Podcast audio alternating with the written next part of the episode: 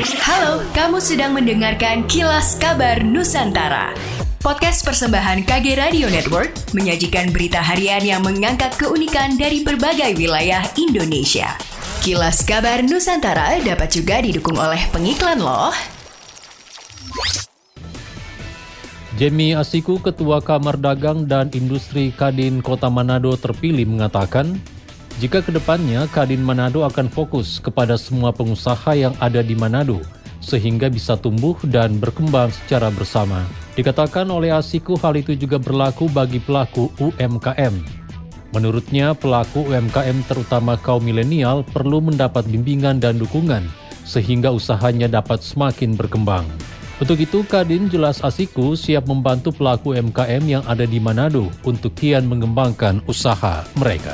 Asiku menjelaskan UMKM memiliki peran penting dalam menjaga perputaran ekonomi nasional, terlebih ketika negara kalah di tengah dihadapkan dengan situasi sulit akibat pandemi COVID-19.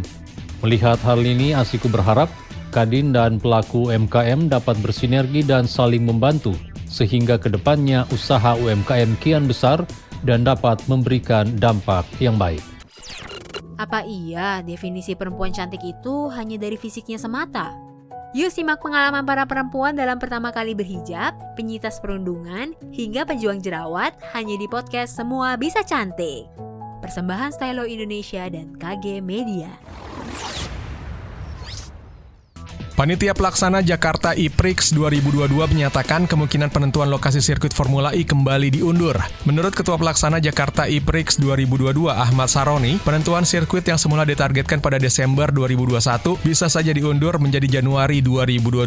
Alasannya karena kajian yang mendalam dari pihak Formula E Operation dan Federasi Otomotif Internasional. Saroni mengatakan saat ini panitia pelaksana Formula E di Jakarta tinggal menunggu hasil kajian tersebut. Penundaan pemilihan lokasi sirkuit Formula E ini bukanlah yang pertama kali terjadi terjadi. Sebelumnya penundaan pernah diungkapkan oleh Managing Director Formula E Jakarta Gunung Kartiko. Dia bilang sirkuit akan ditentukan pada Oktober 2021. Namun pernyataan ini kemudian ia koreksi lagi dan menyebut lokasi akan ditetapkan pada akhir November 2021. Kemudian pada November lalu, co-founder Formula E Alberto Longo mengatakan pihak FIO akan mengkaji lima opsi lokasi sirkuit yang akan diputuskan sebelum Natal. Formula E Jakarta sendiri rencananya akan digelar pada Juni 2022.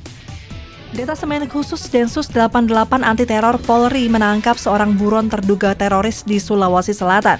Kabak Banops Densus 88 Anti Teror Polri Kombes Polisi Aswin Siregar mengatakan penangkapan dilakukan pekan lalu. Aswin mengatakan terduga teroris ini berafiliasi dengan Jamaah Ansarut Daulah atau JAD. Menurutnya pelaku termasuk dalam daftar pencarian orang atau DPO teroris yang diduga berkaitan dengan pengeboman di Gereja Katedral Makassar, Sulawesi Selatan 28 Maret 2021 lalu. Demikianlah kilas kabar Nusantara malam ini.